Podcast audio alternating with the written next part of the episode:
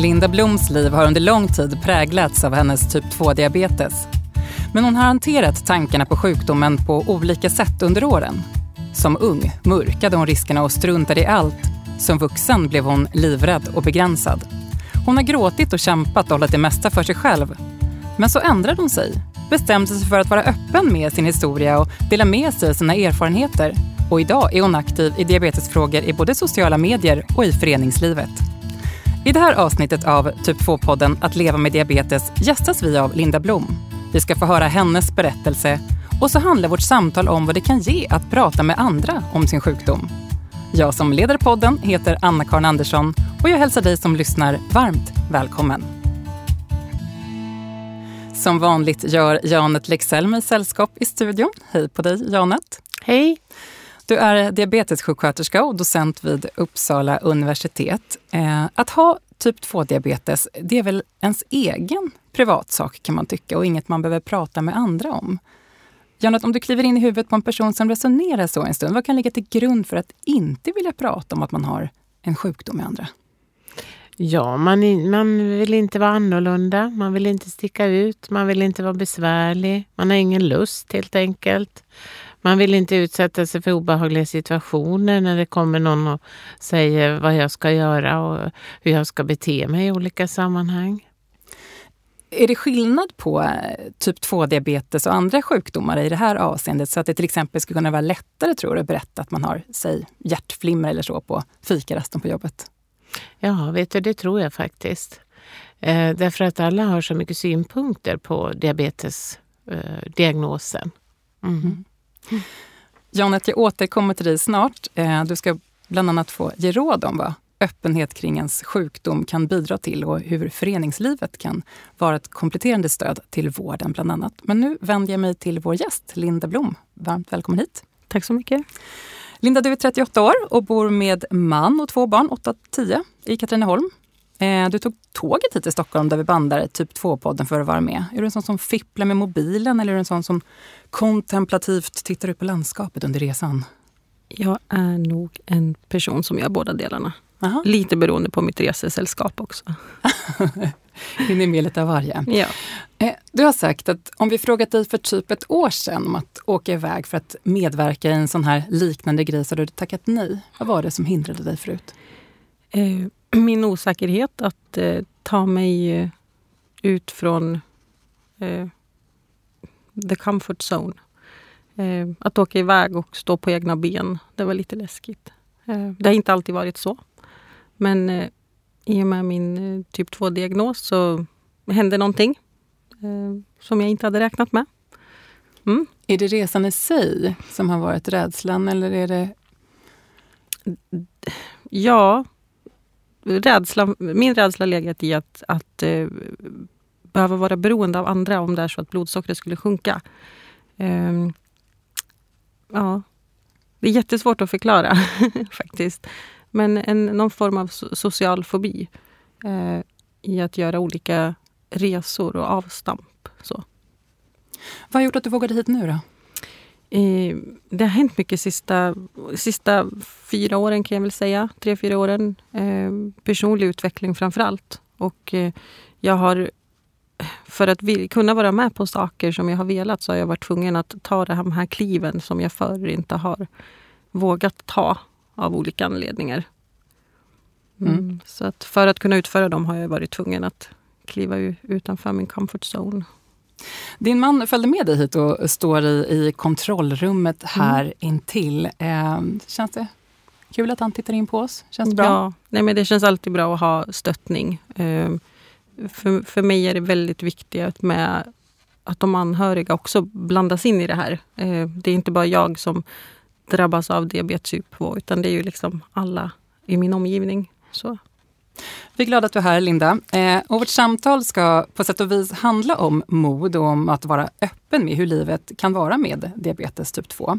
För du har valt att bolla dina personliga tankar om sjukdomen med andra på olika sätt och nu med oss då i typ 2-podden. Eh, vägen där du är nu har varit krokig och på olika sätt präglats av din sjukdom. Du var bara 21 år när du fick veta att du har typ 2-diabetes. Mm. Berätta, vad ledde fram till att du fick den här diagnosen då? det är det här som är ett stort frågetecken i, i hur allt det här startade.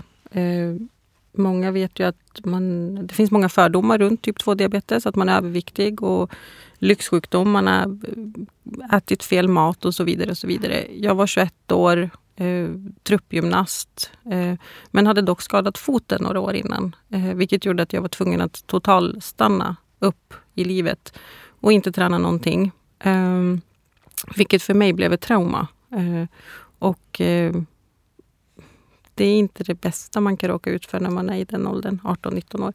Så att förmodligen så, så fick jag min diabetes på grund av stress och eh, traumat i sig, att helt plötsligt behöva liksom, sluta träna. Och, och sen förmodligen genetik också. Så. Mm. Mm. Hur tog du diagnosbeskedet? Um, jag, som många andra så visste jag inte mycket om diabetes. Så att jag tog det väl med en klackspark egentligen. Så. Hur tog du hand om sjukdomen när du själv då? 21 år?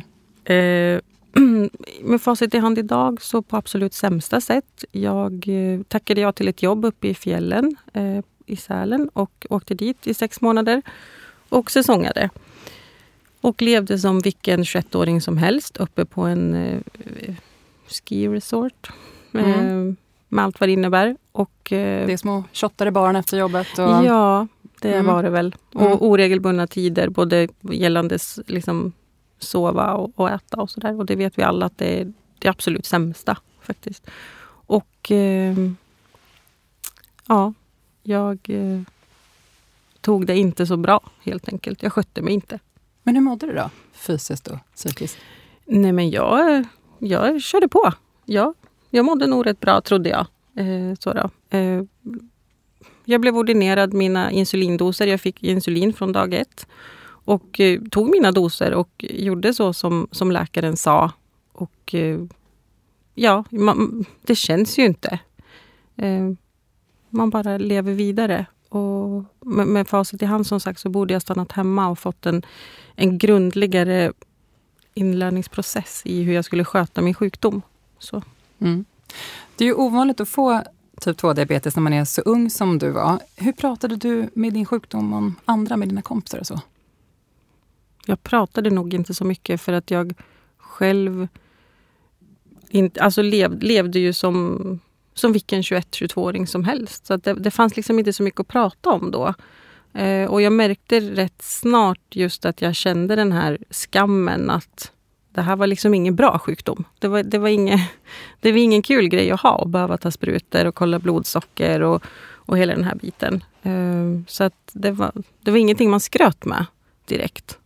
Mm. Du mörkade lite grann, både för dig själv och för ja, omgivningen. Precis. Mm. Mm. När insåg du vad, vad sjukdomen eh, innebar? Då? Uh, det var ju när jag blev gravid med min, eh, min äldsta son som idag är tio. Uh, vi fick plötsligt väldigt mycket hjälp och väldigt mycket information. Eh, det var alltså, jag hade levt med min diagnos i sju år då. Eh, och eh, att vara gravid är väldigt speciellt och att lägga till diabetes typ 2 på det gjorde att allting blev satt på sin spets. Så att det var många sjukhusbesök och många, många samtal, mycket information. Tack vare specialistmödravården som du gick hos när du var eh, gravid eh, med mm. diabetes eh, så fick du en insikt om, om sjukdomen och det har också gjort att du även fortsatt har eh, sett till att skaffa en, en god kontakt eh, med vården. Du, mm. du har en, en, ny läkare. Vad, vad, har det betytt för dig att ställa krav på vården och få bra vård? Eh, bara det här att faktiskt vara en patient som Eh, kan och vågar ställa krav gör ju att man ger sig själv en bättre förutsättning att, att få må bra. Och eh, den här läkaren som jag då stötte på när jag var gravid första gången, han, han tyckte att jag var värd en, en form av livskvalitet som jag inte hade stött på på då kanske åtta år. Eh, det var det var lite häftigt faktiskt, att få bli sedd. Utöver en bra läkare, då, vad skulle du säga har boostat dig och stärkt dig till den du är idag? En som inte skäms för sin sjukdom och på det här sättet tar för sig. Mm, jag, jag, måste ju säga Janet också. Att du är en bidragande orsak till att, att man liksom vågar stå upp för sig själv patientcentrerat. Eh, vi har träffats förut i andra sammanhang och, och att träffa sådana personer som brinner så för, för oss patienter med diabetes är inte vanligt. Och därför får man ett annat tänk som gör att man vågar stå upp för sig själv. Och gör man inte det, då blir man rätt liten.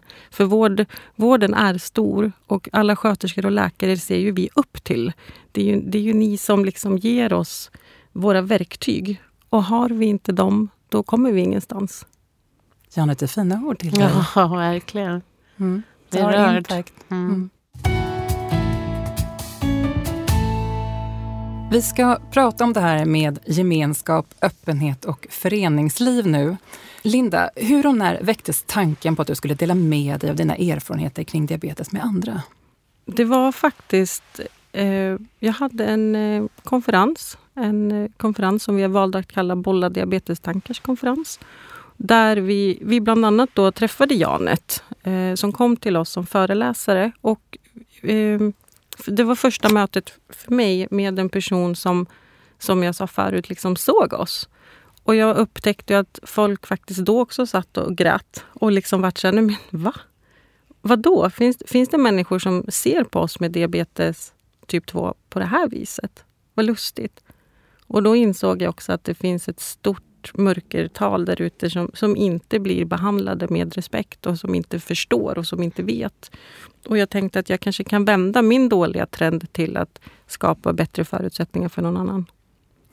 Du startade en Facebookgrupp eh, som heter Bolla diabetestankar. Vad tror du har lockat andra att gå med? Eh, det här behovet av att...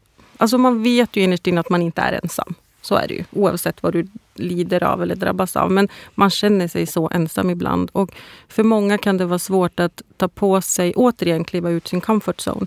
Det är skönt att sitta hemma och, och, och ta en kopp te i soffan, men, men eh, inte ensam. Har man en sån här social medie som bollar diabetestankar, då kan du ta en kopp te i soffan, men med väldigt många andra som sitter på andra sidan skärmen. Mm. Känns det extra relevant att prata om en sjukdom som typ 2-diabetes just för att många annars håller det för sig själva? Att det liksom är extra Mm. viktigt att det finns diskussionsforum för en sjukdom som kan kantas av skamkänslor? Absolut. Eh, och, och man märker framförallt den här värdet av att bolla med andra sånt som man inte riktigt vet hur man ska sätta ord på. Och jag tror att sjukvården har nog, fått, har nog blivit ifrågasatt en del och fått en del eh, kanske för dem konstiga frågor tack vare den här gruppen. Det får jag nästan be om ursäkt för. Men det kan säkert vara att patienter som har kommit, jag har läst i den här gruppen att jag har rätt till det här. Varför har jag inte fått det? Eh, och då vill jag bara, wow, tänker jag ju då.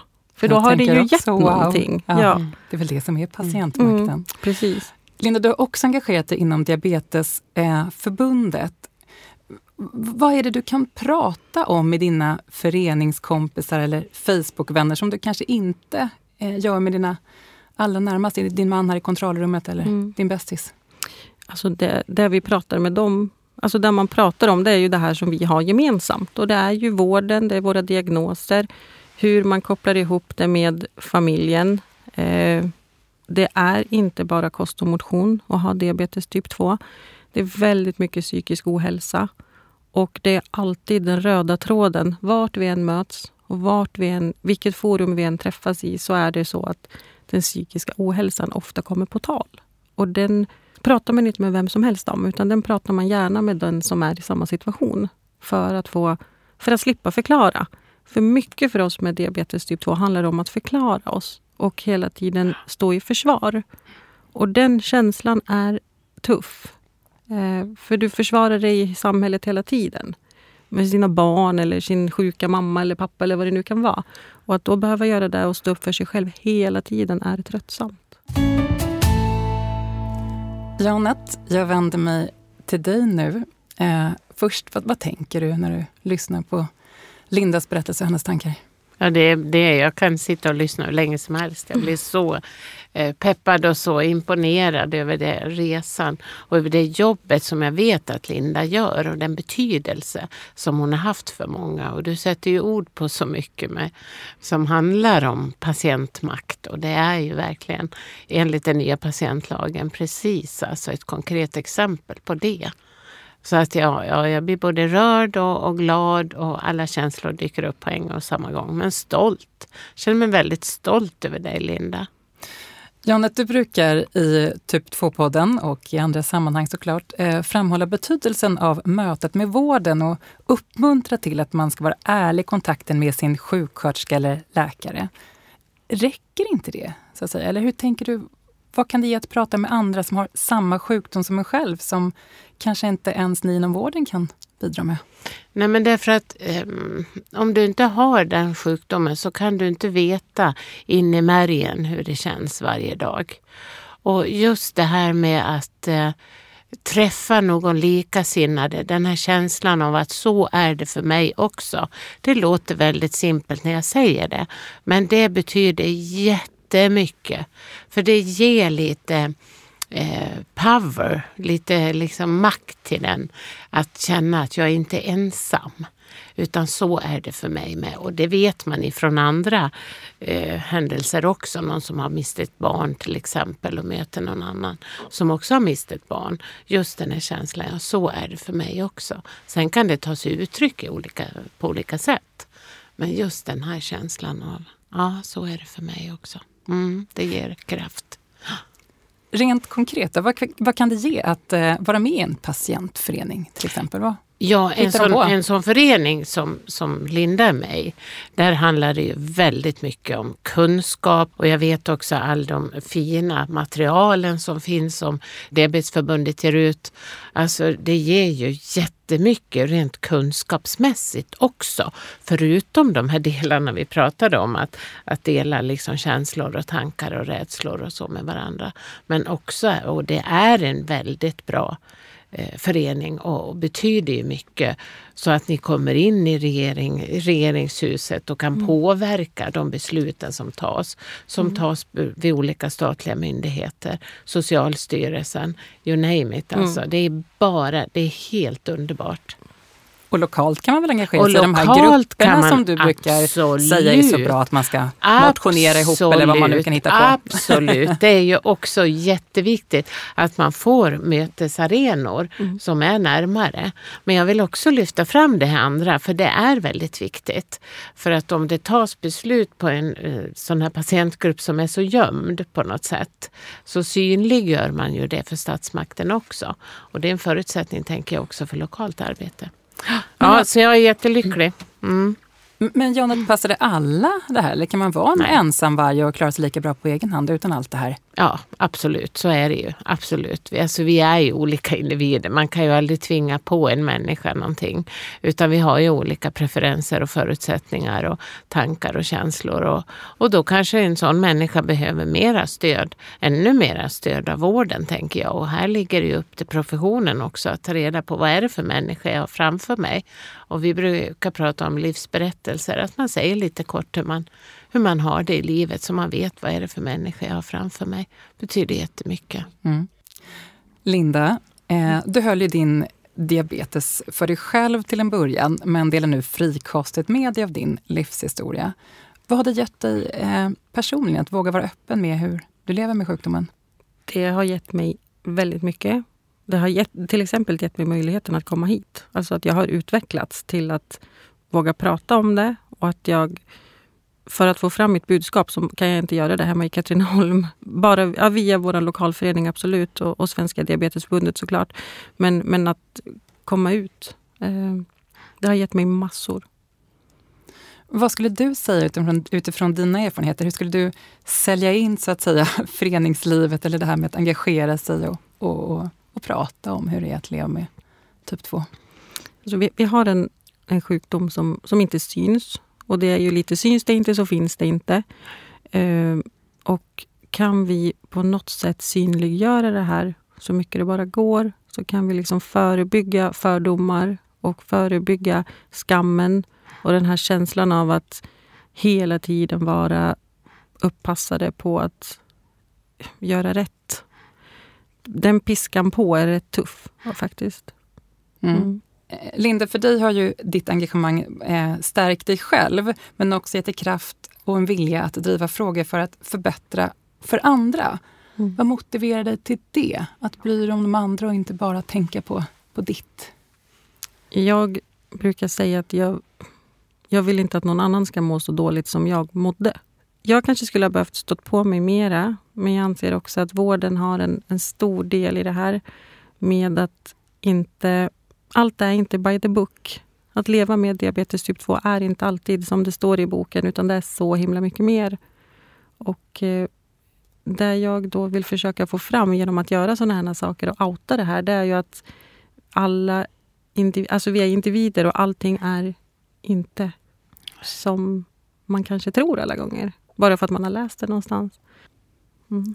Du nickar instämmande. På vilket sätt tror du att föreningar och andra Facebookgrupper eller att Linda så här sitter och berättar kan utveckla diabetesvården? Ja, på lokal nivå så finns det ju diabetesråd och där finns det ofta representanter då ifrån de här föreningarna. Och det är ju jätteviktigt att göra patientens röst hörd. Mm. Eh, så där måste vi ju tänka på att bli mycket bättre i vården. Och, eh, än vad vi också fråga om de här andra sakerna, inte bara mäta midjemått. Även det är jätteviktigt, det säger jag mm. inte. Men eh, det är också viktigt att fråga om andra saker. Och sen tror jag att där kan föreningen betyda mycket. Mm. Jag brukar fråga vad lyssnaren kan ta med sig utifrån ett samtal som vi har här i podden. Mm. Eh, vad, vad, tänker du Janet, eh, vad skulle dina kollegor som är diabetessjuksköterskor kunna ta till sig av, av Lindas berättelse här? Eh, att eh, förstå och inse att eh, patienterna idag är många gånger väldigt välinformerade. Och eh, att utgå därifrån och, och, att tänka till när man har en dialog så inte det blir en monolog. Mm. Med det sagt så avslutar vi Typ 2-podden för den här gången. Linda Blom, stort tack för din medverkan här. Tack. Och tack till dig, Janet Lexell, diabetessjuksköterska och docent vid Uppsala universitet. Tack. Själv heter jag Anna-Karin Andersson och eh, Typ 2-podden Att leva med diabetes är en produktion från det forskande läkemedelsföretaget Böringer Ingelheim. Tack för nu och på återhörande.